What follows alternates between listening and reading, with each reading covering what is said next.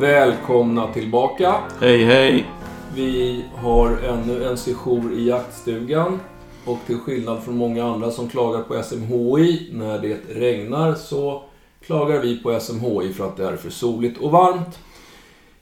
Lite kort så här inledningsvis innan vi kommer in på frågebanken. Ehm, jag och min gode vän Peter, vi drog igång den här podden som ett litet hobbyprojekt och var väl rätt osäkra på om det skulle bli någon respons överhuvudtaget. Det har ju blivit en respons som är över förväntan. Det är jätteroligt. Vi, vi trodde nog att frågebanken skulle ebba ut efter ett tag, men det dyker ständigt upp nya spännande frågor och Ja, det är snarare tvärtom alltså, för det ökar. Det är skitkul. Ja, och att det, att det finns så mycket olika problemställningar. Ja, och sen att två farbröder kan ge sig in i den digitala världen, är ju, det kände ju rätt så... Med varierande kvalitet. Ja, det är sant. Det är sant. Och, och apropå kvalitet, vi ska ju skärpa till det här nu. Nu ska vi försöka skärpa till oss och vi kommer göra några grejer. Peter har också blivit en tekniker och nu lyckats att starta en YouTube-kanal som heter Jakthundar och jakt. Eh, den innehåller inte så mycket än, men den kommer vi fylla på där vi har filmer som är längre än den här Instagram-minuten. Eh, som, ja, framförallt instruktiva filmer med lite tips och idéer i lite längre format då än vad man kan producera på Instagram. Så den ligger ute, men, men den har inte så mycket innehåll än, men det kommer fyllas på. Eh, till det här då så har vi då vårt Instagram som också heter Jakthundar och jakt. Vad vi kommer göra nu, alltså nu har vi insett att det finns ett, ett, eh, Det finns tydligen många som vill höra vad vi tycker och tänker om saker och ting. Även om det bara är när ni frågar oss. Så, så vi kommer försöka att investera lite grann i ny teknik och grejer. Och så att ljudet blir aningen bättre än den här ensamma svinbilliga buttricksmicken som vi använder nu. Men, eh, men ja, och videokameran har du investerat i nu. Precis. Eh, det här gör att vi faktiskt lite grann från... Eller, vi har inte haft några principer, vi gjorde det här som ett hobbyprojekt. Men vi kommer att, ja, i likhet med många andra poddkanaler, eh, ta in, försöka, det kanske inte är någon som är intresserad, men vi kommer försöka att ta in eh, lite spons. Och då vill jag bara säga att det kommer inte vara, vi kommer inte ha några reklaminslag som är producerade av någon extern leverantör, utan vi kommer prata om leverantör eller produkter som vi gillar, som vi använder, eller som vi tycker av någon anledning är väldigt vettiga för det vi håller på med. Sen är det ju sådär att det är inte alla som kommer tycka samma sak som vi, men om vi gillar några prylar då kommer vi säga det. Sen får man gärna ha en annan uppfattning. Men jag vill inte att det ska bli så här som man ser ibland på vissa andra sociala medier. Någon säger att jag har köpt ett nytt kikarsikte av märket si och så och så får man 67 svar som bara idiotförklarar en själv och säger att det är skit. Vi talar om vad vi tycker, precis som vi brukar göra. Alltså, det där är viktigt liksom. Eh, vi måste ju ha någon sorts eh, försörjning när man lägger ner så mycket tid som vi gör på det här. Men, men det, det är ett löfte alltså. Det kan bara bli företag eller produkter och leverantörer som vi, med grejer som vi verkligen använder själva eller testar. Och jag har ju testat grejer länge åt eh, jakttidningar och så. Ehm, och nu har ju du givit in i det där också och ska börja testa grejer. Så att det, antingen är det vi har på oss när vi jagar, använder när vi jagar, eller grejer som vi vet vad fan vi pratar om helt enkelt. Så får det bli. Om någon nu är intresserad. Är det någon som är intresserad så hör av er. Ja, vi har ju en som är intresserad faktiskt. Som, ja. som kommer lite senare i detta avsnitt. Nu kör vi! Vattensvans! En veterinärmedicinsk fråga. Vattensvans, watertail. Eh, ja, vad är vattensvans? Det är helt enkelt att hunden får vansinnigt ont i svansen. Svansen hänger rakt ner, man får inte gärna ta i bak i rumppartiet eller svanspartiet på hunden. Och det här inträffar uteslutande när hunden har blivit nedkyld. Nästan alltid när den har varit i vatten eller ute i kallt regn eller någonting sånt där. Vad, vad beror det här på då? Det är, man vet inte helt säkert, eller man vet att det är egentligen en av två saker. Antingen så får hunden en inflammation i de nerverna som sitter uppe vid svansroten. Eller så, så kan det vara eh, musklerna som sitter uppe vid svansroten som blir nedkylda och inflammerade, eller en kombination. Många av de här vattensvansarna läker av spontant på några dagar, men, men oftast så sätter man in behandling för det gör jäkligt ont. Och framförallt tikar och även hanhundar, de får lite jobbigt för de kan liksom inte vika undan svansen när de ska sätta sig och uträtta sina behov. Eh, så, så att det man gör är att man sätter in antiinflammatorisk medicin. Det här, vissa hundar får det här regelmässigt. Vi ser det mest hos apportörer av naturliga skäl då de, de apporterar i kallt vatten. Men det kan egentligen drabba alla raser. Det kan drabba en hund som är ute och springer i, i, i kallt regn eller kallt väder och blir nedkyld.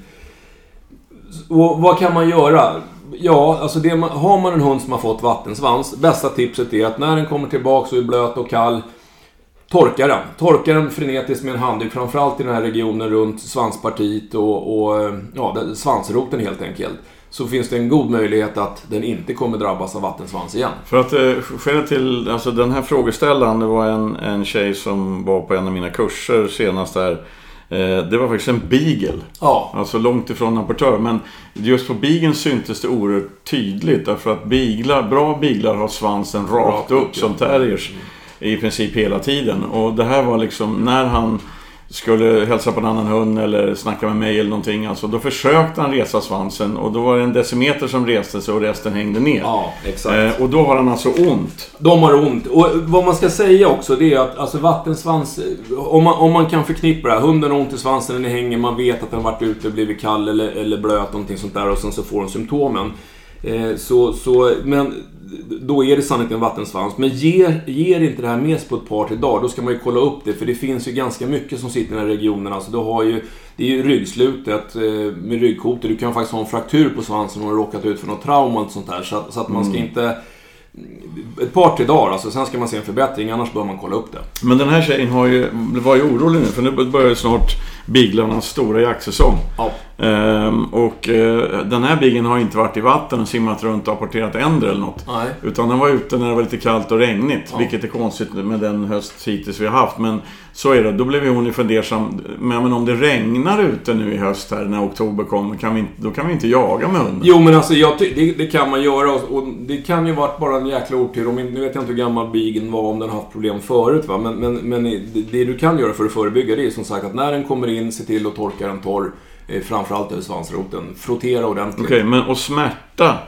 Det kan man, den kan man ju minska. Ja, och eh, många jägare har ju någon litet batteri av såna antiinflammatoriska smärtstillande tabletter i, i eh, byrålådan eller i skåpet hemma. Och det, jag har inga problem med att man sätter in det, men man ska väl, som jag sa förut, man ska vara ganska säker på sin sak så att man inte eh, döljer en frakturerad svans eller att det faktiskt är ett ryggproblem eller någonting sånt Ja, där. men alltså det innebär att tjejen med bigen, är det så att det här inte går över då ska hon till veterinär. Yes. Okej.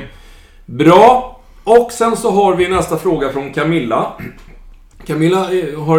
Det är väldigt trevligt att du skickar frågor. Men jag säger det igen. Camilla har skickat eh, sin fråga på Instagram. Och det är inget medvetet straff, men straffet blir omedvetet att du har fått vänta länge på ditt svar. För vi tittar nästan aldrig på de här Instagram-frågorna. Så ställ era frågor på jakthundar och jakt@gmail.com så får ni snabbare svar. Men Camilla har en fråga om en blandras smålandsstövare, labbe, jämthund, snart två år. Som är en jäkel på att spåra, men väldigt het i linan. Och då är funderingen, vi har haft uppe liknande frågeställningar förut. Ska man bromsa honom ännu mer för att Camilla försöker bromsa honom, eller till och med stå stilla? Finns det en risk att man då stör honom så att han slutar spåra? Det är Eh, inte frågan. Ska jag prata om Ja, det? det tycker jag. Ehm, ja, alltså nej. Det är ju ingen risk att han slutar spåra om hon stannar. Ehm, för det, det är ju standardgrejen då. Stå still helt enkelt tills han lugnar ner sig och så tar man ett steg framåt och så håller man på sådär. Första gången man gör så, första tio gångerna man spårar på det sättet så tar ju 100 meter spår en evighet. Eftersom man kommer fortsätta dra. Men om man inte kommunicerar med honom på annat sätt utan bara stannar och ba bara låter honom fortsätta i slaget när han är lugn så kommer han ju skaffa sig en vana. Eh, ofta är det så. Tips 2. Gör svårare spår. Det är standardgrejen. Alltså allt för många som tränar spår som jag har sett när de beskriver vilka spår de lägger så, så är de spåren för enkla. Ehm, helt enkelt. Alltså ju svårare spår desto mer måste hunden koncentrera sig i slaget.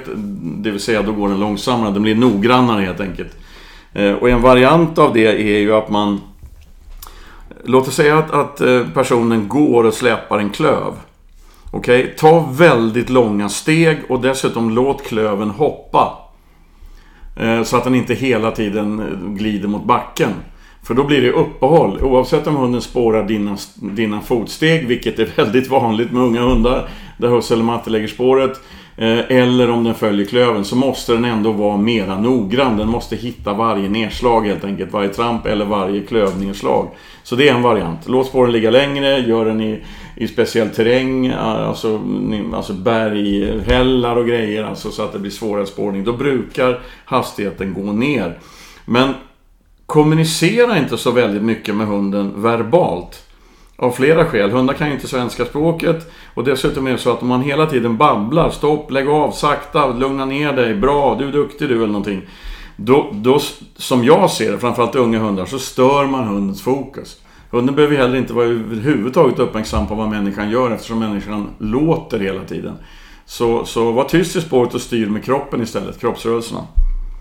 Bra! Camillas nästa fråga är, det, det här är tydligen lite av ett yrväder den här unga blandrasen.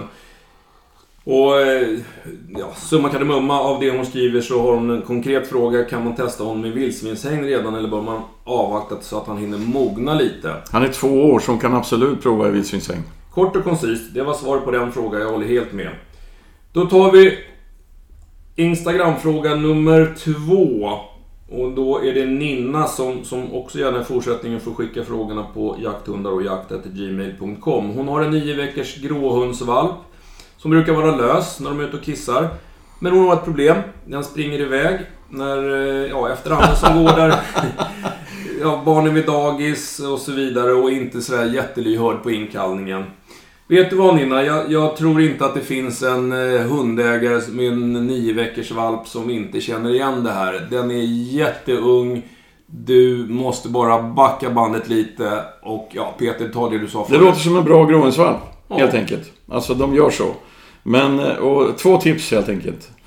Eh, blir hon orolig för det där så undvik de situationerna. Undvik de situationerna. Då, i de, när, måste den här valpen vara med i de situationerna, då har du järnkoll på valpen. Punkt.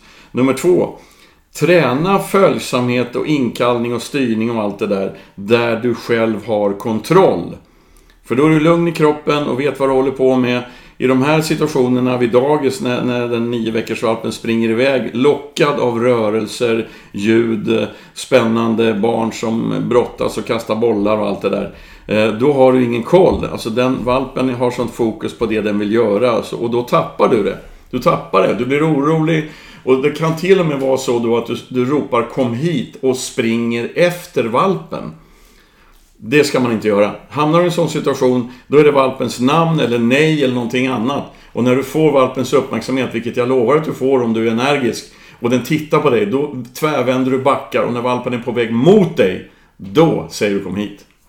Om jag nu har rätt i det. Men eh, ja. det brukar funka för mig. Nio veckor, du har väldigt mycket tid. Det här, den kommer bli lugnare och, eh, men, men du kanske inte kan ha den lös eh, heller utan undvik de här situationerna. Nu, nu, kommer ju en jävligt speciell fråga här. Nu får vi verkligen resonera och skärpa oss. Vi har ju fruar båda två. ja. Så här är det. Det här är en fråga som inte direkt har med jakthundar eller Ja, jakt har det väl att göra ja, i någon alltså, Det har ju på något sätt med injagning att göra. Ja, eh, Jakob och hans kompis Daniel eh, brukar diskutera våra poddavsnitt.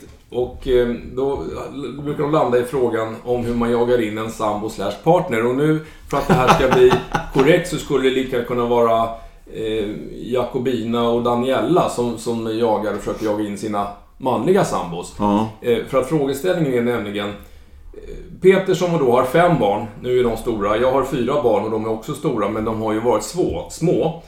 Och då är den konkreta frågan, hur har, han, hur har vi lyckats jaga in lyckats jaga så mycket och haft så många hundar. Så de vill ha tre handfasta tips på injagning av partner. Inom parentes står det då kärring, men det kunde ju varit en gubbe. Har de skrivit det? Hur jagar jag in min kärring? Har de skrivit det?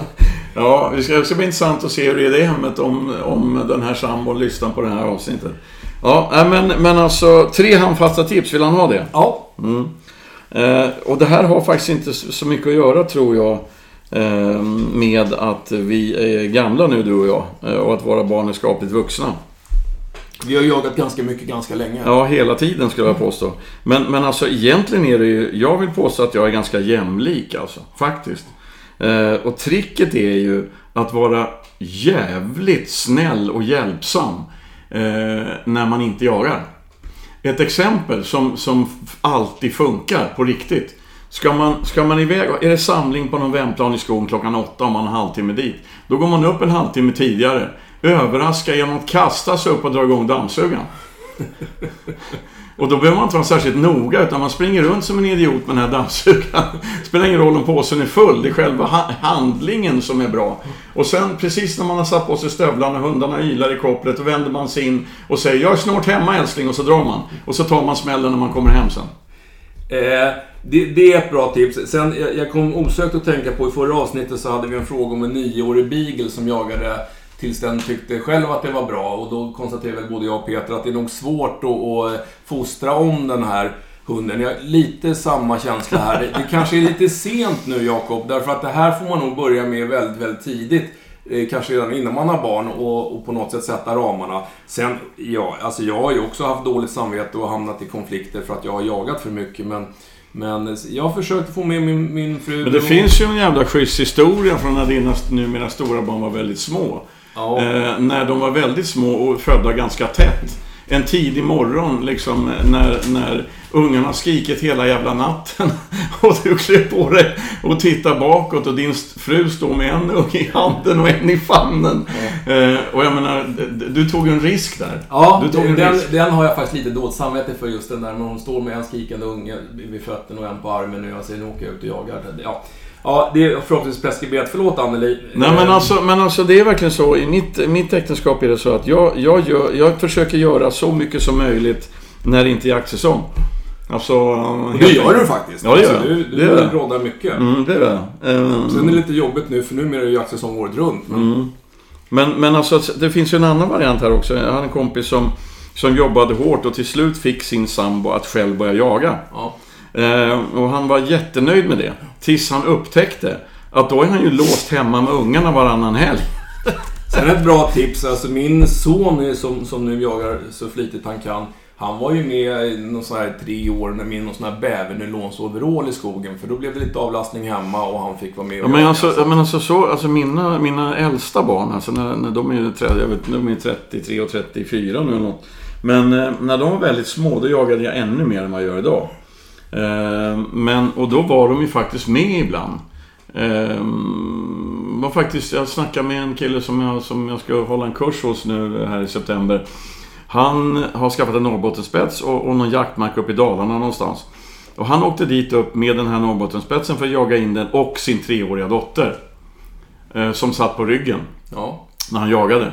Och det är klart att lite opraktiskt är det, men märkligt nog, när jag har gjort det när mina unga var små så är det, då är man en väldigt, väldigt schysst eh, dagpappa typ. Eller jag menar, därför att då, då skriker de ju inte. Då händer det grejer hela tiden. Men det där har jag faktiskt varit på jakter där det har suttit en, en eh, liten unge i en sån här ryggsäck eh, med hörselskydd på sig. Det är lite mm. häftigt. Nej, okay. men, men, alltså, men alltså själva frågeställningen. Jag tycker att vi, vi, vi slänger ut frågan helt enkelt. Ja, det kanske eh, finns fler. Vi har egentligen inga bra svar på det här. Utan det har, vi har haft en fruktansvärd ja. tur som har, som har gift oss med, med människor som dels har ett eget intresse.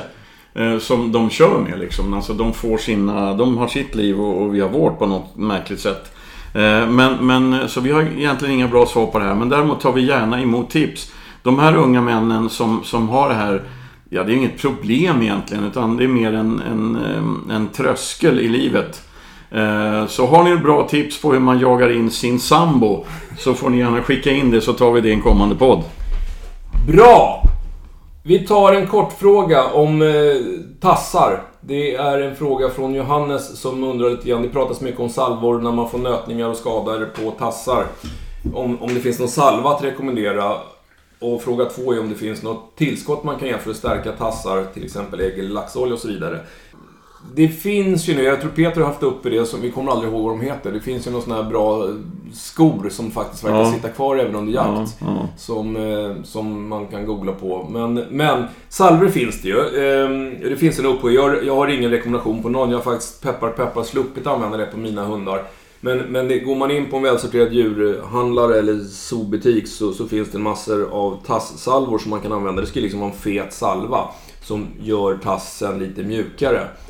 Eh, när det gäller fodertillskott så är laxolja vet jag att många kör med. Och sen så finns det samma sak där. Säkert hos välsorterade djurhandlare och åtminstone hos större veterinärkliniker. Det finns en massa eh, preparat som man tillsätter i fodret som innehåller just de här fettsyrorna. För det är det man är ute efter. Omega-fettsyror framför allt.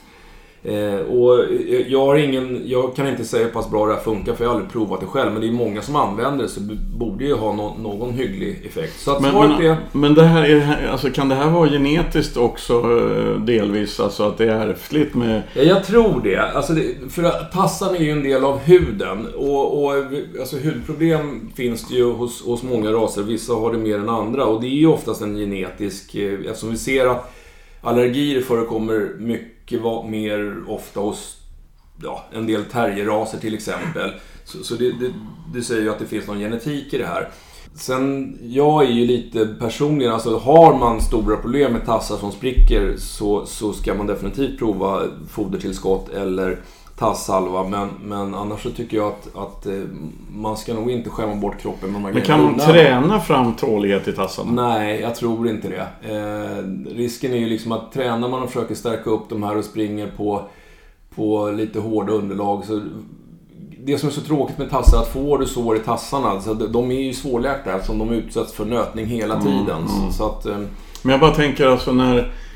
En, man går omkring i jaktkängorna liksom ända fram till, till tidig vår typ. ja. Eh, och sen tar man av sig dem en solig dag och ska knalla på grusgången ner till bilen Ja. barfota. Då går man ju som man har brutit ryggen. Men två månader senare så går ja, man det ju... är sant alltså. Det, man, man borde ju kunna på något sätt Kanske, men frågan är bara hur man når dit. Eh, Det, det skulle ju vara då att bygga upp eh, gradvis belastningen på tassarna. Men risken är som sagt Men alltså jag, jag måste stoppa in ett annat råd här nu. Och det är att väldigt många jakthundar som jag träffar, möter, folk jag känner som har jakthundar. De, de springer hur bra som helst i skogen till, ja, oftast 31 januari då. Men, och, och vissa stövarraser och så lite längre på säsongen. Eh, sen går de i koppel på, på motionsslingor och grusvägar i sex månader typ. Eh, Så ett allmänt råd, dels när det gäller att hålla hunden i fysisk trim, eh, att den ska ha lite kul och inte minst för att den ska använda hela sin kropp, inklusive tassarna. Så ska man, även om man inte kan ha hunden lös var som helst, så leta reda på rastgårdar och rasthagar och, och så vidare så att hundarna får springa rejält. Ja men det är ju en bra... Det är ju en bra För att jag menar, jag tror ändå... Håll, alltså- håll skärpan i tassarna på Ja, något pre- sätt. ja precis. Alltså, när funkar en säsong, låt hunden... Och det är dessutom fysträning och aktivering och på alla möjliga sätt. Det är för många jakthundar som står stilla i en hundgård eller bara går koppelpromenader i sex månader. Det vill säga halva året, varje år i hela sitt liv. Och det är klart att då, de går upp i vikt, de får taskigare leder, ledvätskan eh, blir sämre. Du vet, allting Ja. blir sämre om man inte får springa och röra sig. Hundar är dessutom födda att springa. Definitivt. Vi hoppar till en ADB. Han är född i slutet på maj förra året. Det vill säga han är väl en 16-17 månader någonting sånt där nu då. Husse är en ödmjuk själ. Han har skrivit att han har nog gjort alla fel man kan göra för det är hans första jakthund. Precis som vi gjorde Ja, det har vi nog alla gjort. Eh, han bor på Öland och det, det, det är ett angenämt problem som Husse skriver. De har sjukt mycket rådjur på Öland. Den här ADBn fick tid kontakt med rådjur. Okej, nu han, ett- han jagar i kopplet helt enkelt. Ja, han har ett jätteintresse för rådjur och problemet är så fort de går ut på promenad så hittar de rådjur och det blir jakt i koppel. Och Det är inte så poppis klockan 5.30 på morgonen, skriver Husse. Nej. Hur blir man av med problemet? Ja, utan att det ska påverka hans jaktlust. Alltså, som jag ser det så är koppelpromenader en sak och jakt någonting helt annat. Jag antar att han är orolig för att han kommer hämma den här unga hundens rådjursjakt om han fyar den i kopplet för mycket. Antagligen. Eh, Men så är det inte. I alla fall inte när jag får frågan. När jag får svara. Eh, Han måste helt enkelt styra upp det där.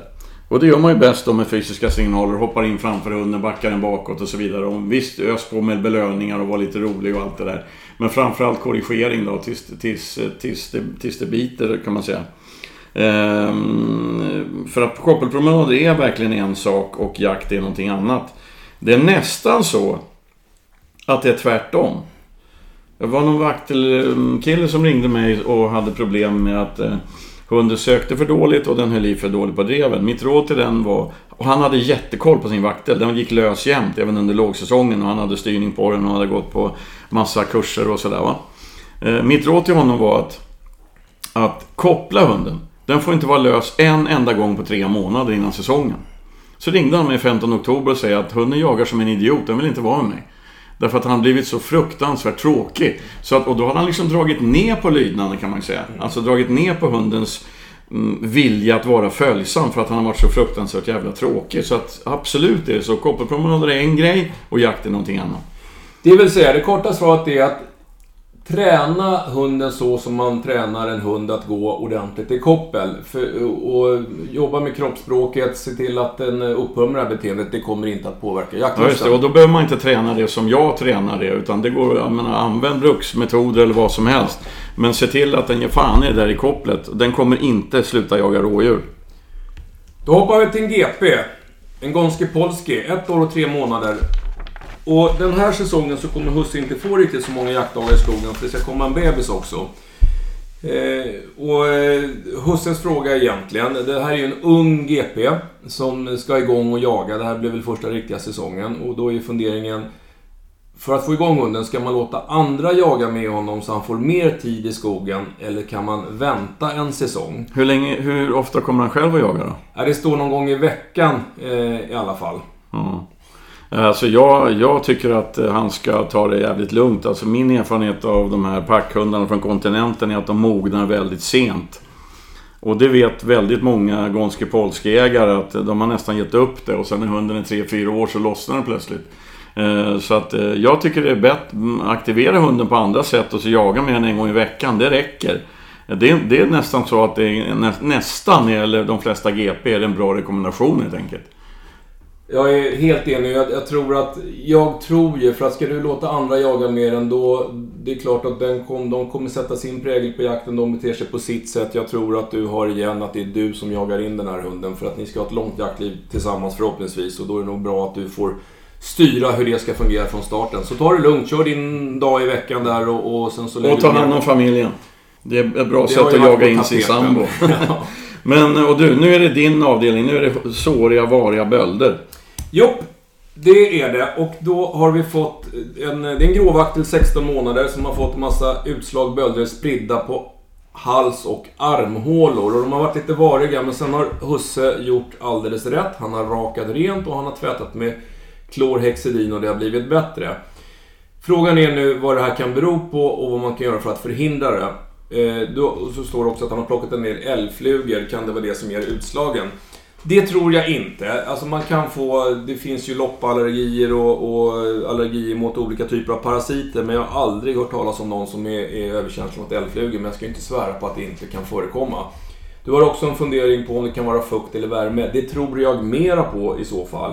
Därför att de här ställena du beskriver, eh, hals och armhålor, det är klassiska ställen för så kallade fukteksem som jag tror jag hade uppe i förra eller förra, förra avsnittet. Eh, och vad man kan göra för att förhindra det, det är ju att ungefär som med vattensvansen tidigare, torka hunden när den kommer in och är blöt och fukt och det, och det är varmt. Sen är det ju en, det som är då, den här är en, en, det här är en gråvakt som är 16 månader och, och det är en ålder där hundar inte alldeles ovanligt kan börja utveckla allergier. Eh, och, och då är det, det har vi också pratat om tidigare, foderallergi eller så kallade atopier. Allergi mot någonting i omgivningen. Det kan vara pollen, kvalster, damm och så vidare. Så, så jag tycker, jag, jag skulle gissa på att det här är fukteksem. Så, så prova att torka hunden ordentligt när den kommer in och är blöt och fuktig. Är det fukteksem så borde problemet avta under hösten när det inte är lika varmt. För det är ju den här varma fuktiga miljön framförallt som, som predisponerar eller ja, ger bra förutsättningar för fukteksem. Ehm, fortsätter det här så skulle jag nog söka upp någon veterinär som är duktig på hud och allergier. Men, men förhoppningsvis är det bara fukteksem. Och då har du gjort helt rätt. Som rakar ren, skapar en luftig miljö som är inte alls lika trivsam för bakterier och svampar. Och sen har du tvättat, så det var helt rätt agerat. Du, en grej som jag tänkte på när det gäller veterinärer. Mm. Ehm, I mitt jobb då, så, så är vi några stycken som jobbar professionellt med hundar, jakthundar. Ehm, och vi brukar styra ehm, hundägare som kommer till oss till rätt person. Ehm, eftersöksgalningen Bula Kristoffersson är ett exempel. Alltså, jag får ju massa frågor om kan du, kan, har du kurser i spårträning och eftersök och allt det där. Fine, jag kan ju en del om eftersök. Men Bula är bättre, så jag styr till honom. Och jag vet att han då och då när folk kommer till honom med olika typer av jaktproblem, lydnadsproblem och annat så styr han över de personerna till mig. Och då tänker jag så här. Ni veterinärer, ni blir väl ganska mycket specialister också mm. på vissa områden. Så att om man har till exempel här, den här hunden du pratar om nu. Är det inte smart om man har ett hudproblem när man åker till djursjukhuset eller kliniken. Då frågar man dem. Min hund har någon form av hudproblem. Har ni någon som är riktigt duktig på hudproblem? Helt rätt. Och det, det är ofta så det är. Alltså det, det, finns ju väldigt, eller ja, väldigt många. Det finns väl drygt 2000 praktiserande veterinärer i Sverige. Och då är det allt ifrån att man kör en enmanslåda och då är man kanske lite mer av en generalist. Man kan eh, lite och mycket, med all respekt. Eh, och sen så ju större djursjukhus eller kliniker och djursjukhus man kommer till, desto mer specialiserad blir ju kompetensen. Eh, hos oss, och vi är väl ett 20-tal veterinärer, så har vi två stycken som är jätteduktiga på det här med hudallergier. Jag och en kollega till mig jobbar mycket med rörelsestörningar, alltså frakturer, korsband, hälter och muskelproblem och allt sånt där. Eh, och sen har vi de som är rena medicinare som jobbar med invärtes sjukdomar. Vi har två stycken som är jätteduktiga på tandproblem och tandsjukdomar. Men, men, men det, det är ju så att och jag hade ett samtal senast igår från någon som ringde på jobbet som inte ens bodde i den stad där jag eh, agerar. Som hade varit hos någon veterinär, ett tonsillproblem. Tro det eller ej. Eh, men, men, och det hade inte blivit bra. Och det, då kanske man ska ta sig till någon av de här lite större enheterna för att hitta någon som är... Eh, för det är ju så, jag kan eh, hyggligt mycket om ortopedi, alltså sjukdomar i rörelseapparaten. Nu är du lite, eh, nästan lite för mild. Du är duktig på det. Ja, det är väl det som jag kan bäst då. Men, men på bekostnad av att jag inte läser på och går kurser lika mycket på medicinska sjukdomar. Men jag går väldigt mycket kurser, jag läser väldigt mycket om ortopedi. Och då blir man bra på det. Eh, men det är ju svårt att vara en enmansveterinär och kunna allt om allt. Ja, men så, alltså, är det så att man vill ha en second opinion hos någon på, på, ett, på ett mindre ställe, låt säga med en eller två veterinärer. Ja. Då är det väl bra att man söker upp ett större djursjukhus och letar efter en specialist? Ja, jag, som jag sa till den här killen igår, snacka med din veterinär och be honom skriva. För vi har ju, det är inte så stort skrå, vi har ju hyggligt koll på vilka som är duktiga i närområdet. Jag skriver ju ofta remisser. Vi har ingen som är specialiserad på ögonsjukdomar hos oss. Mm. Så det brukar jag skicka till en, en, ett sjukhus som ligger i närheten som som eh, de har en jätteduktig ögontjej. Mm. Så att... Och ställ lite krav helt enkelt. Ja, Okej, vi tar fråga två ifrån Gabriel med gråvakten. Den, den här gråvakten den är bara 16 månader, man får inte glömma det. Han är lite harig. Eh, när han har träffat på gris så har han skällt lite grann och, och verkat lite osäker. Sen har han dragit sig tillbaka och när husse har stöttat så har han hängt med. Men, men eh, Husses fråga är, hur tänker man med injagningen av en sån här hund för att stärka hans självförtroende, förföljande och sök? Spåra gärna ur, skriver han. Det här är ju din specialitet, Peter. Ja, nej men alltså, men alltså. Eh, vad jag försöker göra när jag ska jaga in eh, någon av mina hundar eller hjälper till med injagning. Det är att försöka eh, få hunden att komma över mentala trösklar själv. Eh, det vill säga man stöttar inte särskilt mycket. Och när man behöver stötta, då stöttar inte jag med ord och gester och Kom igen nu, du är duktig, jag hjälper dig så här tydligt. Utan det enda jag gör är att jag stöttar med min, mina kroppsrörelser. Om hunden släpper eh, eh, eh, ett vildsvin till exempel som man hör att det är en arg gris som gör lite utfall och så viker hunden och kommer och tittar på en. Då försöker jag undvika att titta på hunden utan jag rör mig istället långsamt mot där jag tror att vildsvinet befinner sig. Och har man då en relation med hunden, hunden litar på en skapligt, då kommer hunden att springa förbi mig och tillbaks till grisen. Men om man, om man stöttar för tydligt liksom. Du ska inte vara ledsen, kom igen, jag hjälper dig, du är duktig, du kom igen, tjo, tjo, tjo, typ. Eh, då tror jag att hunden blir beroende av mig. Då är det jag som kommer över hundens mentala tröskel och inte hunden själv. Alltså hundar generellt styr man med, med sina kroppsrörelser. Jag kan, jag kan ta ett exempel, alltså hur otroligt viktigt det är hur man, hur man positionerar sin kropp. Eh, på en kurs, när jag har kurser ibland så så, eh, ja inte i början, men när hundarna börjar bli lite duktiga och förarna börjar bli lite duktiga så kör vi lite inkallningsövningar kan man säga. Eh, låt oss säga att det är fyra stycken hundekipage som står som en vägg alltså. Med en och en halv meter emellan. Man sätter en hund på ena sidan väggen, hundföraren går runt på andra sidan väggen, så den kallar in hunden förbi genom de här sittande hundarna. Och människorna som har de här sittande hundarna vänder ryggen mot hunden som ska, som ska kallas in. Då brukar det gå jättebra. Men om människorna har ansiktena vända mot hunden och tittar på hunden. Då är det väldigt många hundar som inte pallar det mentala trycket. De springer runt eller de vågar helt enkelt inte trots att husse och matte står på andra sidan och kallar jätte och det inkallning alltid brukar funka. Eh, så hur man positionerar sin kropp, åt vilket håll man tittar. Eh, ett exempel är när man korrigerar en hund, då är man ju ofta vänd mot den. Bara det är en korrigering. Att böja sig över en hund är en korrigering, för det är fart emot och sådär va. Om man istället vänder ryggen mot den hunden, då finns det inget mentalt tryck överhuvudtaget. Så alltså det där har jag förstått eh, på senare år, liksom, att det är otroligt viktigt hur man positionerar sin kropp. Och om till exempel, låt oss ta en ras som jag ofta får frågor om, som har för dåliga sök och dåliga drevtider. Vaktelhunden. Eh, rådet där är, stå inte kvar och säg Ja, ja, ja, du är duktig du, men jag vill att du ska söka längre. För då kommer söken bli ännu kortare. För då får hunden bekräftelse och kommunikation. Så titta inte på hunden. Eh, utan bara gå rakt igenom hunden mot där hunden slutar jaga. Då brukar tiderna bli längre. Om det finns till, tillräckligt mycket jaktlust i hunden alltså. Spårar jag ut tillräckligt mycket nu? Nej, men alltså det, ibland säger du kloka saker. Tack Björn, tack. Nej, men det, och det, jag vet inte hur många gånger ni har hört Peter säga att hundar kan inte svenska språket. Men, men alltså att kommunicera med sin kropp, det kan hunden förstå. Den, alltså den rörelser, det här vi har pratat om så himla många gånger, fart emot, fart ifrån, vända ryggen till. Eh, det förstår hunden. För att det är ett språk som den faktiskt har i sina gener. Ja visst, och, och, och sen det här som jag tycker är viktigt, alltså, som jag verkligen tycker är viktigt. Försök få hunden att komma över sådana här mentala trösklar som den här unga gråvakten uppenbarligen har. Själv. För då växer hundens eget självförtroende. För om man stöttar hunden för tydligt och för mycket, eh, då, då är ju jag, alltså, inblandad i det där självförtroendet. Och då lär inte hunden bli mer självständig. Gott! Jag tror vi ska ta en fråga till, sen behöver vi ta en paus. Jag behöver lägga ut snusen och hämta mer kaffe. Eh, Men är... vad fan, jag har ju med mig kaffe idag. Ja, visst ja, du har köpt termos. Ja, visst, och det är fan en nyhet. Jag vill säga det till hela svenska folket. Jag är känd för att aldrig ha kaffe med mig på jakterna. För det har alla andra. Mm. Eh, så jag brukar få Och idag hade jag ingen kaffe.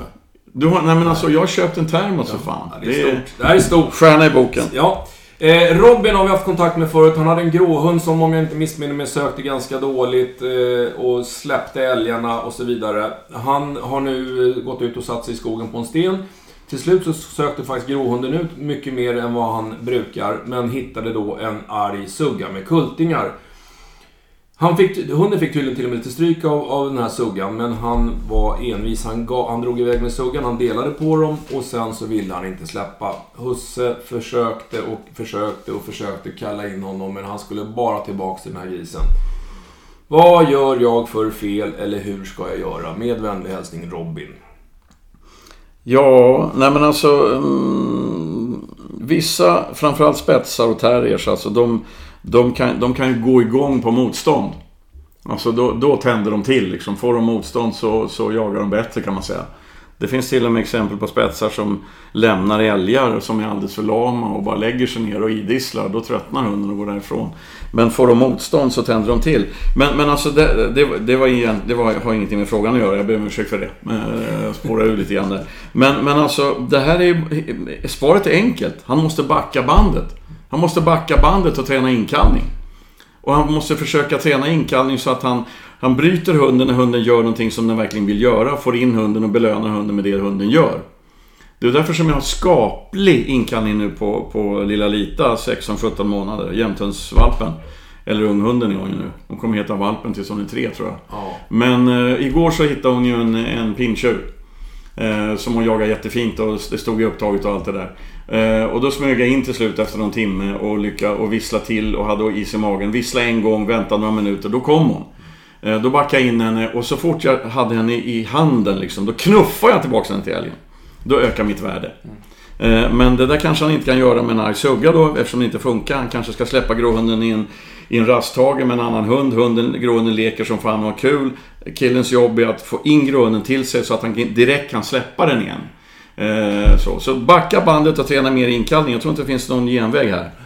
Nej, det är inte helt lätt. När man har en hund som, vi pratade om det sist också, alltså de kan verkligen låsa på något vilt. I det här fallet vildsvin. Alltså det är inte lätt. Eh, då får man jobba hårt med inkallningen för att komma runt Men sen tror jag också att det finns inte många hundar som... Jag hör så ofta folk säger att de blir blockerade. Det tror inte jag alls. Jag tror att de väljer. Ja. Alltså, och tricket är att jobba steg för steg Ehm, alltså så att man hela tiden har kontroll så att de väljer det jag vill att de ska välja. Men jag menar, du vet ju hur det är med orka. Det är inte ofta som jag kopplar henne på första inkallningen från en gris eller ett vils, eh, en, en älg. Utan jag släpper henne igen direkt. Hon är ju åtta år nu men alltså fan. Om jag hela tiden kopplar henne när jag bryter det hon tycker är roligt. Och då till och med gamla orka kommer börja ge fan i pappa Peter då. Och eh, alltså, jag känner ju igen mig Robin. Det här är ju inte något... Eh, jag har ju slutat nu att ens försöka kalla in min gråvakt eller hon, hon har precis hittat en gris och jag hör att hon är supertaggad och ligger hårt på därför att hon kommer inte att höra mig. Det har ju delvis att göra med att du vill att hon ska jaga så du kan gå in och skjuta grisen.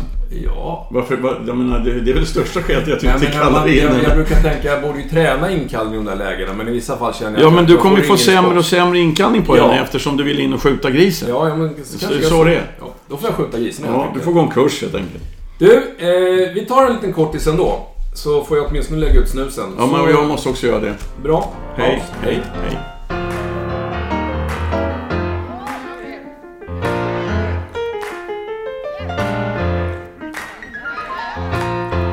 Vi är tillbaka med fulla kaffekoppar. Just det, och dessutom har vi kollat. Det är sydvästlig vind och, och vi har ett antal hundar som ska släppas. Så nu får vi riva av det här. Vi river av den. Vi hoppar direkt in på en västlarka som ännu så länge inte är hämtad. Det vill säga det är bara en liten, liten, liten valp. Det är Julia och hennes sambo Jens som eh, ganska snart ska hämta sin eh, västlarka. En tik. Och det är deras första hund. De vill börja med viltspår och undrar, det är flera frågor kring det här med viltspår. viltspår. Vilken ålder kan man börja med enkla spår och några konkreta tips på hur man börjar. Det kan ju du ta, för du har ju gjort det. Ja, jag kan ta det så får väl du komplettera om du har någon avvikande uppfattning. Alltså för det första så tycker jag, och det har jag sagt förut också, börja spårträning eller börja låta hunden jobba med nosen. Och det kan du göra dag ett eller två eller när sjutton du nu eh, vill. Alltså när den är riktigt, riktigt liten. Och då, jag har gjort så, det här är ju vad jag har gjort. Alltså jag har dragit några grejer som, som de bevisligen är intresserade av. Då vet de ju inte så mycket om vad vilt är. Jag har dragit skinkbitar genom trädgården och jag har dragit, eh, jag har dragit klövar också. Och sen bara släppt ut dem och så har de fått leta reda på den här skinkbiten. Eh, bara för att använda näsan. Sen har jag sett att du har gjort små godisspår, det vill säga man lägger ut pluppar. Hunden ser, valpen ser och så lägger ut liksom med en bit emellan. Ja. Så att de får ner nosen i backen. Så att de, det blir lite sökträning Jag tror också till och med samtidigt. du har filmat det någon gång. Just alltså det. brutit sönder massa godisbitar och, och slängt i ett spår framåt då. Så att det inte är ett, det är inte ett kontinuerligt spår utan det är småbitar så att hunden jobbar med näsan. Alltså får den att jobba med näsan och, och förstå vad det handlar om. Sen när det gäller att börja lägga konkreta spår så tror jag att man kan börja tidigt. Alltså det... Ja, inte vet jag. Är hunden 3-4 månader liksom och har fattat vad det, vad det, hur, hur näsan funkar så kan man visst dra en klöv någonting en 100 meter på ett enkelt spår och se hur hunden klarar av det. Eh, Men hela tiden så är det just det här som vi har tjatat om både jag och Peter, att det ska vara kravlöst. Eh, Det, och jag gjorde det nog, jag drog nog första klöven för min lilla vakteltik här när hon var kanske tre månader. Det var för enkelt för henne. Det var liksom, det tog eh, 20 sekunder så hade hon den här klöven i munnen. Och så får man bygga på utifrån det. Men, men svaret är egentligen att du kan börja jättetidigt, men se till att det i början är en lek för att jobba med näsan, få ner näsan i backen innan du sen börjar föra in det riktiga spårtränandet. Och sen klassikern då att försök att hitta sätt att, att belöna och bejaka i spåret. Alltså i spårandet så att det inte blir sånt fruktansvärt fokus på spårslutet. Jublande glad och du är duktig du när hunden har slutat göra det man vill att den ska göra. Det kan man också börja med tidigt. Man slänger en godbit framför hunden i spåret helt enkelt. Eh, någon liten matbit eller något. Så man belönar det här med låg nos, för det, det är det det handlar om. Du frågar också Julia om det finns någon, om vi kan rekommendera någon bra bok. Jag är dåligt uppdaterad. För 15 år sedan så vet jag att jag köpte spårböcker om spårträning som var väldigt pedagogiska. Allt ifrån så här gör du spår 1 och 2 och så vidare och hur man byggde på svårighetsgraderna. Det har säkert kommit massor av böcker sedan dess. Jag vet Men vad att fan, Bula- har inte Bula Jag skrivit tror en att bok? Bula har skrivit en bok. Så... Per Bula Kristoffersson, ruggigt rutinerad eftersöksjägare. En spårhundsgalning helt enkelt. Ja, Eh, han har någon hemsida som heter PK Eftersök, tror jag. PK Eftersök. Eh, han har en bok, det vet jag. Vi har inga konkreta tips. Det kommer så mycket nytt hela tiden. Så att jag tror bara googla runt och, och, och leta själv. För det, det har säkert hänt en massa sen jag läste de där böckerna senast. Sen var nästa fundering, det var hur... Tanken är ju att den här ska jaga vildsvin och älg och sen björn om intresse finns. Och då undrar du lite grann hur... Eh, när är det läge att börja hängträna och i vilken ordning kanske? Eh, de flesta hängnen brukar säga att hunden ska vara hyggligt färdigväxt, det vill säga runt ett års ålder. Sen ska man veta att det är väldigt få hundar som är mentalt färdigväxta. De är långt ifrån mentalt färdigväxta vid ett års ålder. Men där kan man mycket väl börja. Och, och jag tror att men man kanske ska, har man en så pass ung hund, börja med älghägnet då. Bygg på med vildsvin och sen så småningom så kan det ju bli aktuellt med, med björnhägnet. Men då tror jag att, för det, björnhägn tar nog ganska mentalt på, på en ung hund. Peter, du har ju faktiskt kört in i, i mm, björnhägn, din unga hund. Vad säger du? Ja, hon var väl 14 månader då någonting. Eh, och det var liksom 100% kravlöst. Jag ville bara se vad som hände. Ehm, och eh, jaktlusten och modet tog över där så att hon, hon skällde riktigt bra. Ehm, sen, sen är ju björn, alltså rovviltet björn är lite speciellt. Alltså det ställer fruktansvärda krav på... Ah! Det räcker nu! Det lät som det var djurplågeri här. Det var det inte. Det var bara den lilla valpen som blev rädd för den stora jämthunden. Ja, hon sa ifrån helt enkelt. Ja. Eh, så var det med det. Det är barnuppfostran. Väldigt speciellt det där med valpen alltså. Helvete, hon blev ju knappt rörd och så tjöt hon. Hon är ja. tydlig. Hon är förmodligen var är ganska tydlig också. Ja, hon, hon är tydlig gammeltiken. Den saken är klar. Ehm, bra, var var vi någonstans? Jo, det var fler frågor från ja, samma... Sen har vi sista frågan som Julia har. Den är, jag ska läsa den eh, lite mer in, innan till. Peter har ju pratat mycket om att jämthundar och gråhundar, eh, man ska inte skjuta för snabbt på ståndskall. Och för en ung hund så bör man låta den stå åtminstone i tre timmar för att lära sig, lära sig grejer under ståndet. Nu kommer ju deras Laika här vara strax över året vid nästa säsong. Och stämmer det då också på västlaika att man ska eh, ja, hålla igen och inte vara för snabb och skjuta på stånd? Och sen har Julia pratat med uppfödare och andra västlajkeägare som menar att det är viktigt att avsluta snabbt i början. Kanske, kanske till och med på, på gångstånd eller inte fasta stånd för att hunden ska komma igång.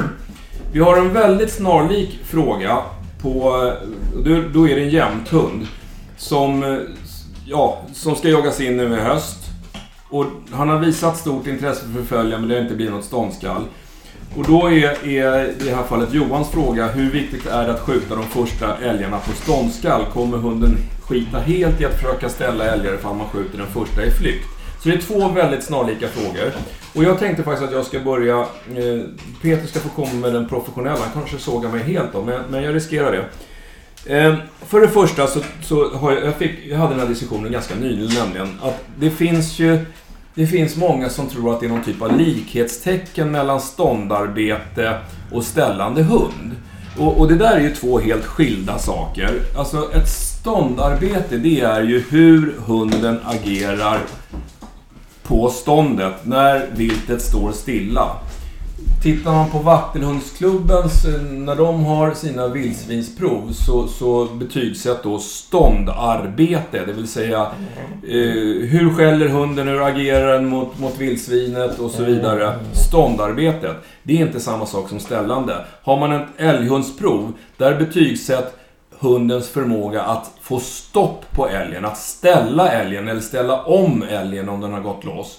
Så det är, det är, två helt skilda saker, men det är många som, som verkar tro att det där är ett likhetstecken emellan. Peter pratar ju ofta om att det som ska premieras, om man ska avla på, det är ju spetsarnas förmåga att ställa viltet. Att få stopp på dem. Att få stopp på dem. Så, att, så att jag vill bara klargöra det, att, att det är inte samma sak. Det finns de som säger att jag har hört det så många gånger och jag tror att jag kan sticka ut, eftersom jag har två vacklar nu och har haft vacklar tidigare så kan jag nog sticka ut näsan. Jag hör nämligen att att många som säger att min, min eh, vaktel ställer gris. Eh, det hävdar jag att den inte gör. Nej, det är garanterat drivande- grisen som bestämmer sig för att stanna. Precis, och så står hunden kvar och skäller. Men, men vaktel är en drivande ras, den ställer inte grisar men den kan skälla på dem om de står stilla.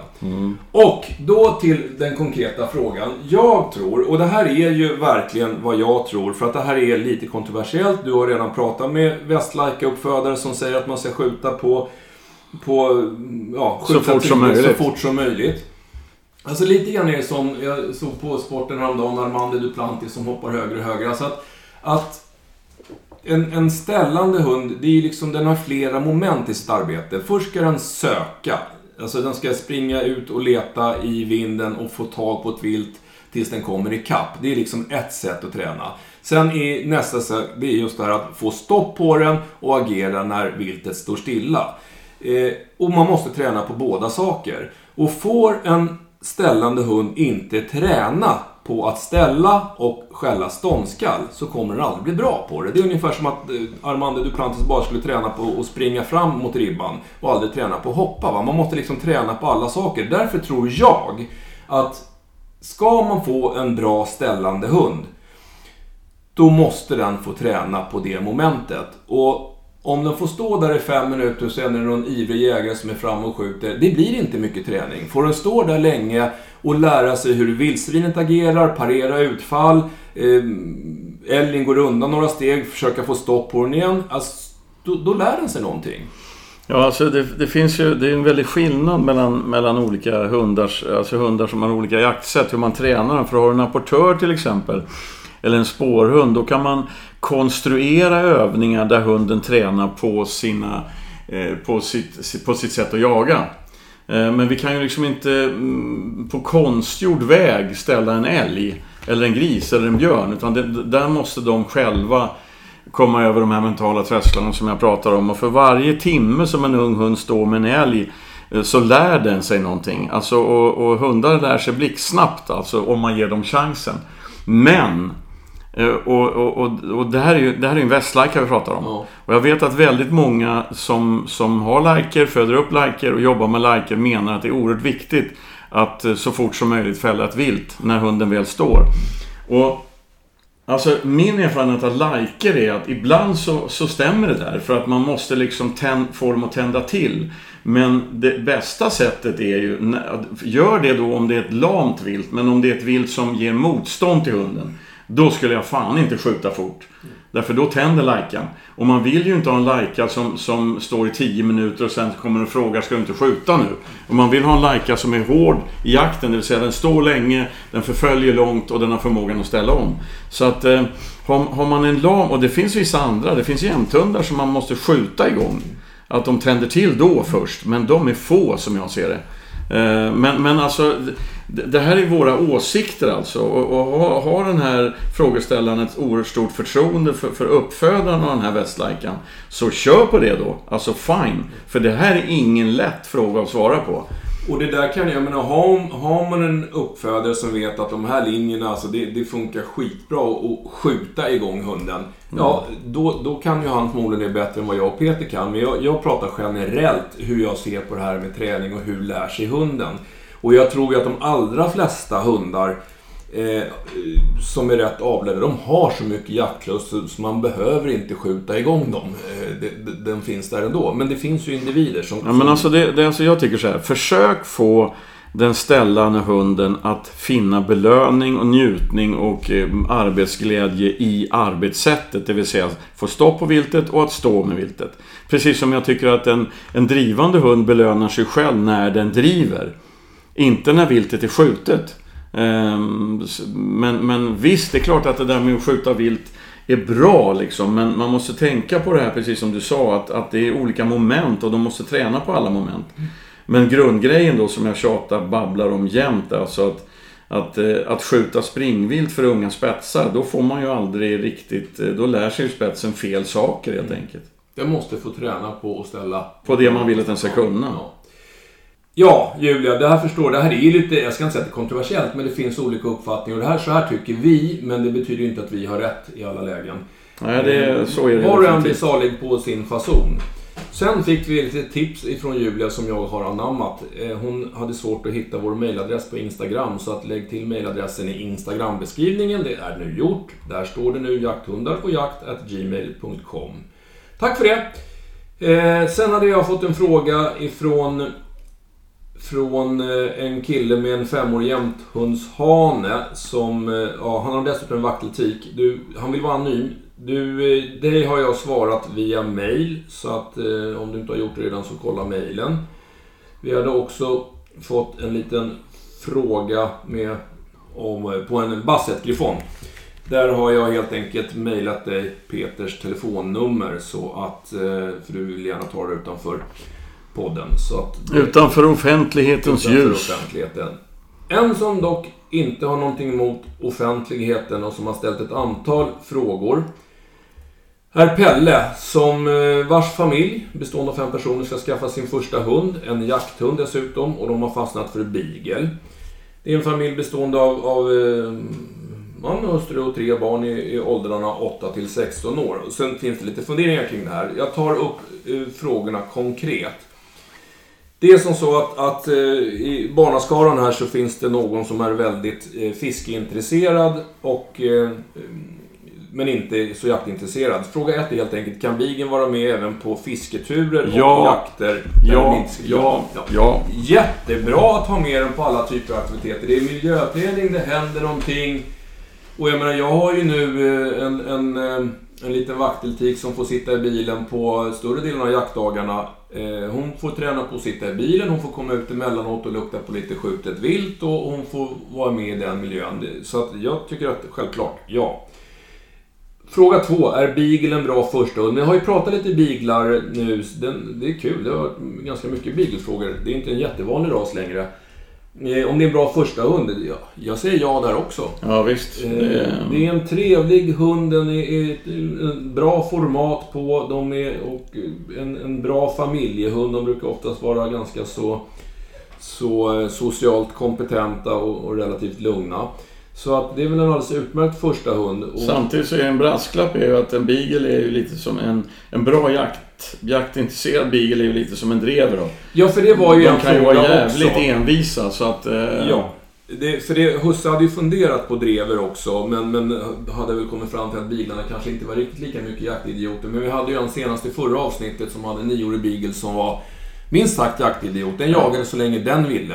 ba- Bra beaglar jagar, bra drevrar jagar så att det, det är inte så... Så det är inga garantier för att du får en, en, eh, en beagle som i det avseendet är helt annorlunda än Vad, vad, vad de menar är kanske att beageln är ju en delad ras. Det finns ju, det är, det är ju inte dreven. Nej. En drever jagar, punkt. Ja. Men det finns ju så kallade utställningsbiglar och sådär. Så att bara man väljer det. Väljer man en jaktuppfödning så kommer den bigen att vara lite som en drever fast den ser lite annorlunda ut och har ett annat rasnamn. Ja. Och de två sista frågorna, eh, jag ska komma till fråga tre sen också, men det är beagle i allmänhet som jakt respektive familjehund. Det har vi berört. Alltså det är en, det är en trevlig hund. Eh, den är, tar man en jaktbeagle eller en beagle från jaktlinjer så, så finns ju otroligt mycket jakt i dem. Och huruvida de tillhör de friskare hundraserna eller inte, ja... Det där är jättesvårt att säga. Ja, jag skulle, spontant skulle jag svara ja. Det är inte så ofta vi har eh, beaglar inne med, med, mm, Medicinska med problem. medicinska problem. Men man ska också komma ihåg, det där blir ju lite missförstånd. För beagle är idag en relativt liten ras jämfört med många andra. Så att, så att eh, om man skulle räkna antal sjuka beaglar relaterat till hela populationen och så göra samma sak med någon annan ras så kanske de inte hamnar så långt från varandra. Men, jag, men känslan är ändå att beagle är en ganska frisk ras. Sen kan de drabbas av av, ehm, jag tror att det finns alla såna hormonsjukdomar och sånt som drabbar många andra raser. Det ser vi ytterst sällan på beaglar. Sen förekommer ju tumörsjukdomar och sånt. Men, det, det Men vad fan finns det... Det fanns, pratade inte du här om avsnittet om någonting med beaglar? Det fanns någon specialsjukdom som... Nej, det var eh, border terrier. Men bo- Okej, Ja, sorry, sorry, sorry. Så att, nej men sammanfattningsvis på dina frågor. Jag tycker att, eller vi tycker att, att beagle är en alldeles utmärkt familjehund. Ett bra val som första hund. Eh, En, en, en på det stora hela sund och frisk hund. Så att det är väl... Det blir ja på alla frågor. Det blir ja på alla frågor. Men den sista frågan kan vi inte svara ja eller nej på. Därför att det är ju frågan om hur tidigt kan man låta bigen vara i hundgård. Den kan jag inte svara ja på. Där kan man svara så här. Du skriver att du har hört 14 veckor. Jag vet inte riktigt. Ja, vi kanske har sagt 14 veckor. Men det, det som vi poängterar varje gång det är att hela den här första tiden i en valps liv, unghunds liv. Där har du alla de största och bästa möjligheterna att prägla hunden, fostra hunden, bli kompis med hunden, skaffa en relation med hunden. Den tiden kommer aldrig tillbaka. Ju mer tid du och din familj kan lägga tillsammans med hunden under den här perioden, desto bättre kommer ni att känna varandra på alla sätt och vis. Ur det perspektivet så tycker jag att ju mindre tid det hundgård, desto bättre. Sen kan man säkert från 14 veckors ålder börja dressera in eller träna in en, en beaglevalp i hundgård. Men, men det generella rådet är att minimera den tiden. Vad säger du? Ja, alltså visst. Och är det så att eh, frågan är ställd därför att de i framtiden kommer att vara nö nöd och tvungen att ha bigen i rastgården. Eller i hundgården i, i åtta timmar om dagen, typ fem dagar i veckan. Så så är det klart att det är bra att börja träna så. Skälet till att jag inte vill svara exakt på den här frågan är att det beror på vad det är för hundindivid. Alltså vad, vad, vad finns i huvudet på den här hunden? Det, det, är det som styr, så det går inte att svara på det. Är det, en, är det en lite osäker valp, försiktig valp, den gnäller lite så fort man går ur eh, in i ett annat rum eller någonting. Ja, men då är det fel läge att börja träna tidigt. Men är det en självsäker, stabil valp som liksom så fort man lämnar rullar den ihop sig och somnar eller lägger sig på rygg och somnar i något hörn. Eh, ja men alltså aktivera hunden jättemycket, eller valpen jättemycket då. Promenader, lite korta spår, nosarbete, laja lite grann.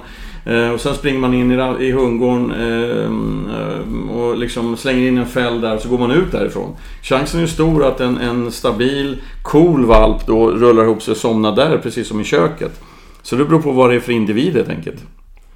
Bra, lite luddigt svar men, men du förstod nog in, heter det, andemeningen i, i det i alla fall. Men det går inte att svara på helt enkelt. Nej. Då kommer nu en, en eh, historisk händelse. Eh, för att vi sa inledningsvis att vi ska försöka för att kunna utveckla det här programmet och skaffa lite ny teknisk utrustning.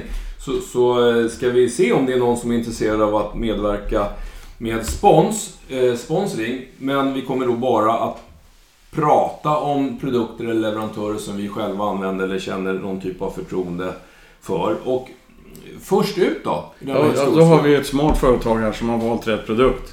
Ja. Det är ett företag som heter Swevest. Eh, hemsidan och nätbutiken heter swevest.se. Eh, där kan man köpa eh, någonting som mm, grovt kallas för vildsvinsbyxor.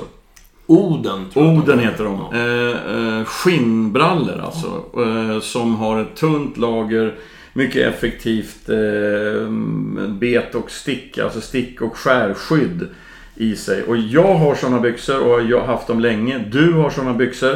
Eh, de är lätta, smidiga. Eh, och dessutom har jag faktiskt åt en tidning testat skyddet, alltså på mitt väldigt ovetenskapliga sätt. Jag har lagt upp ett antal vildsvinsbyxor och gått lös på dem med kniv helt enkelt. Eh, och eh, märkvärdigt nog så fick de här byxorna väldigt högt betyg. Trots att de ligger jämförelsevis långt ner i prisskalan. Eh, så tack för sponsringen. Jag kan rekommendera de vildsvinsbyxorna. Oden hos Swevest.se. Och återigen alltså, både Björn och jag använder de här brallorna. Gillar man skinnbrallor, vilket jag gör och Peter gör, så är de här...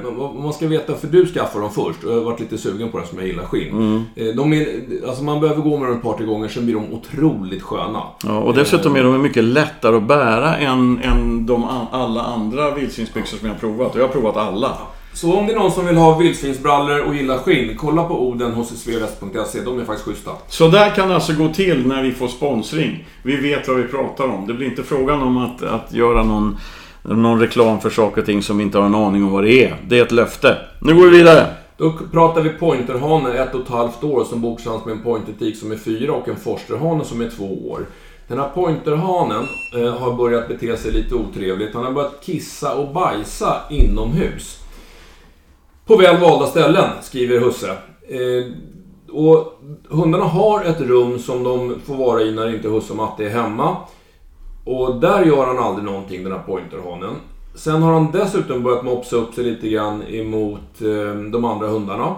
Det har inte hänt någonting men, men han har börjat eh, morra och göra lite ja, markeringar mot de andra hundarna. Husses konkreta fråga är är det hormonerna som spökar och är det en kastrering som gäller? Och han har då provat med kemisk kastrering men det gav ingen effekt.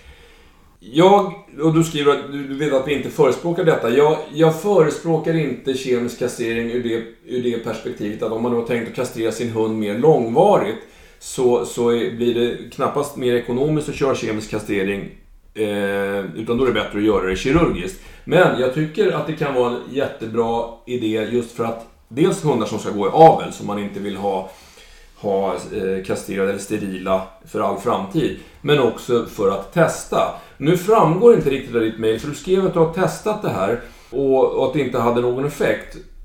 Sen får jag samtidigt känslan att det här beteendet hos pointen har kommit på sista tiden. Så, så min fundering är, betedde han sig så här under tiden som han var kemiskt kastrerad också? Eh, för i så fall så är jag tveksam till att det kommer hjälpa att kastrera honom. Då är det nog mer en, en eh, mental grej och en Peter-fråga. Men du får gärna komplettera om det är som så att han hade det här beteendet även när han stod under påverkan av, av de här eh, kemiska substanserna. Eller om det är någonting som har dykt upp senare. Men är det alltid så att kemisk kastrering är 100% effektiv? Nej, alltså jag tycker inte, jag ska inte jag, jag, tycker kanske inte att man får riktigt samma effekt av det. Man ska ju veta alla de här sakerna, både kemisk och kirurgisk kastrering. Det sker ju ingenting den dagen man tar bort testiklarna kirurgiskt eller den dagen man stoppar in chippet i nackskinnet. Det dröjer ett antal månader. För det tar tid innan, innan testosteronproduktionen eh, är, eller testosteron till kroppen är borta. Va? Så att det blir en gradvis eh, förändring. För, för, att spontant så tycker jag ändå att det här låter lite grann som ett hanhundsbeteende Eh, Eh, markerar både inomhus och markerar mot de andra hundarna. Och då, då vill jag ju få det till att det är hormonrelaterat. Men vad säger du Peter? kan det bero på någonting annat? Ja, alltså det, det kan det ju göra tror jag. Men, eh, och det är jättesvårt att svara bra på en sån här fråga för att eh, då skulle jag behöva träffa den här pointen faktiskt. Men det blir generella svar då. Det, det kan vara så att det här är en relativt vek hanhund. Eh, för det är inte helt ovanligt att aningen V, han är rätt så ung ju den här. Ja, ett och ett halvt. Ett och ett halvt år. Att, att uh, han får de här test han, han, blir lite sur helt enkelt. Han blir sur och, på, på de andra hundarna. För det var ju också hanhundar vad jag fattar. En hane och en tik. Ja, men Forsten då, det, det var en ja, hanhund. Mm. Han blir lite sur och arg och då kommer testosteronet. Mm. Alltså då får han hormonpåslag och han, han är större än han, han egentligen är. Eh, för min erfarenhet är att dominanta hundar de markerar en gång och sen är det slut. Alltså de dominanta hundar slåss ju väldigt sällan.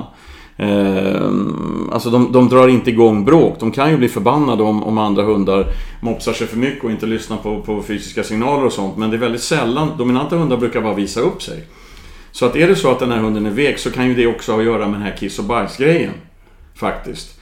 Eh, att han, det blir överslag helt enkelt. Han har lite problem. Eh, med, med, med positionen i den här flocken. Och då, du vet hur det är när en hund bangar på ett vilt. En ung hund som inte vågar, mm, som, som hittar vildsvinen men står tyst och inte vågar vara kvar särskilt länge. Då kan ju den komma tillbaka till sin människa och börja rulla sig och kissa och bajsa och, och käka pinnar och lite allt möjligt. Det blir en överslagshandling helt enkelt. Mm. Um, det låter lite så, men det, det, är om den här pointen är åt det vekare hållet. Mm. Um, det som är lite som, som talar emot att det är en överslagshandling, är att han, han verkar ju ganska medveten om vad han gör. För att han gör ingenting i det hundutrymme där de får vistas. Han gör det på andra ställen. Ja, men, men där är det ju andra regler som gäller. Ja. Uh, så att, uh, jag vet inte. Men, men för att bli av med kiss och bajsproblemet, där har vi svarat på förut. Ja, men förhindra hunden att vara där han brukar markera. Ja. Alltså det, det, är stopp där. Det är kompostgrindar eller stängda dörrar eller vad det nu är för något. Ja. Och är det så att, att han aldrig gör ifrån sig in i det här hundrummet. Nu hade jag sönder pennan här. Om, om han du är... försökte knäppa på Ja, den. och så bröt jag sönder den istället. Men om det är så att han bara markerar där inne, eller han aldrig markerar där inne, ja men då är det där han får vara. Eh, och sen kan man ju gå emellan och styra upp det där och få ordning på det genom, att, genom lydnad och sådär. Men, men eh, Men jag tycker att du mm, kompletterar det där med, med mm, när den kemiska kastreringen inträder. Dessutom är det väl så, du har någon gång sagt till mig att det kan dröja en till två månader innan testosteronet Yes. försvinner. Yes. Och hur länge ska en kemisk kastrering fungera? Ja, sex månader. Sex månader. Det lilla chippet. Ja, det, men alltså då, då har vi då en, kanske i, i sämsta fall tre månader utan testosteronpåslag. Och sen är det ju så också att, att när man kastrerar, min förra vaktel kastrerade jag väl när han var fyra och han hade ju fortfarande ganska mycket hanhundsbeteende kvar som var inlärt. Det här med att kissa på alla stolpar Ja, och, så, ja. så att en del sitter ju liksom kvar i, i minnet. Va? Men, men, nej, men kompletteras får vi se om vi kan utveckla det ytterligare. Eh, Jag har ett löfte apropå den brutna pennan. Om vi nu skulle få några sponsorer så ska vi köpa nya mikrofoner och kanske en, en kamera så vi kan filma lite mer ute i skogen. Men jag lovar att vi ska köpa ett gäng nya blyertspennor till Peter också. Ja, det där är någon sorts jävla bokstavsgrej. Ja. Eh, vi går vidare. Nu hoppar vi över till Simeon. Jag tror att jag känner igen ditt namn. Du har nog frågat någonting förut. Det är i alla fall... Det, här, det är roligt det här. Jag sa det inledningsvis. Vi får ju nya frågor hela tiden. Man, man tyckte vi har svarat på det mesta som gäller hundar och jakthundar. Men den här har vi inte haft förut. Men du vet vad jag säger. Alltså, jag- har det här, jag är proffs i det här. Men jag, jag blir bättre och bättre för varje säsong som går. Vilket innebär att ingen någonsin blir fullärd. Eh, så att jag tror nog att frågorna kommer fortsätta komma. Eller det får ni fixa som lyssnar, men jag tror på det. Tikvalp, 8 månader, en tysk jaktterrier, fungerar bra hemma och i skogen. Men i vatten är hon helt blockerad. Och Simeon skriver, eh, alltså det, det är ganska roligt. Hon, hon bara älskar vatten den här hunden. Hon jagar sina vågor. När Husse var på semester och släppte henne så drog hon simmade hon 200 meter rakt ut. Det slutade med att Husse fick eh, slita loss en båt och jaga ifatt henne för hon bara fortsatte att simma. Eh, och sen när jag kom upp i båten så, så var hon tokig och skulle ner igen. Eh, ja, det, alltså, och Husse är ju med, och det har jag full förståelse för. Han är ju lite orolig att det här ska bli eh, att det finns en risk under jaktsäsongen om hon springer ut på någon halvfrusen sjö eller någonting sånt där bara för att hon älskar vatten. Jag menar, menar om hon helt utan retning simmar 200 meter rakt ut Ja. i vattnet. Eh, om hon då har ett, ett vilt framför näsan så lär nog inte mycket vatten stoppa den där tystaren. Nej, och då blir den enkla frågan, vad 17 gör man åt det här? Ja, alltså det, det finns nog fan ingen genväg tror jag. Utan han måste undvika, under en lång period måste han undvika att det händer. Samtidigt som han tränar följsamhet och lydnad helt enkelt. Alltså jag kan inte se någon annan väg att gå. Han måste försöka undvika situationer där tysken kastar sig i sjön och simmar rakt ut i havet. Ehm, och eh, under den tiden då jobba hårt med följsamhet, inkallning, styrning och så vidare. Eh, och det har vi pratat så sjukt mycket om hur man gör det. Så det, det är bara att gå tillbaka till podden och Det, lyssna. det finns ju en liten positiv grej där, det är att hon faktiskt bara är 8 månader. Ja, visst, visst, att, visst. eh, Nej men alltså det, det finns ju inget annat sätt egentligen som jag ser. Det finns liksom ingen quick fix eller genväg här. Ehm, eh, men, men alltså det, det är undvik, problem, undvik att det händer under en lång period och passa på då att träna följsamhet, styrning, inkallning och så. För jag tror inte den här tystärgen blir blockerad. Jag tror hon hon, väljer. bara, hon bara älskar vatten. Ja, hon väljer alltså. Ja, det, det är jätteroligt att vi har fått så många frågor. Nu har vi pratat längre än någonsin. Vi har fortfarande en massa obesvarade frågor. Vi ska försöka få ihop ett avsnitt till inom relativt skaplig tid. Vi, vi har ju en fördel att vi träffas rätt ofta nu, så här års Peter och jag. Eh, men jag tror att det börjar suga lite i jakttarmen. Jag vill nog ut och släppa nu. Nu är det så att vi ska släppa... Eh, det är sydvästlig vind. Ja. Jag tänkte vi skulle kunna göra två grejer. Ska vi inte ta och prova kiliset? Med bara din. Eftersom du har en kortare hund än jag har. Ja. För där tror jag grisarna ligger. Vi berättar hur det går nästa gång vi hörs. Ha det gott! Om någon Frågar oss.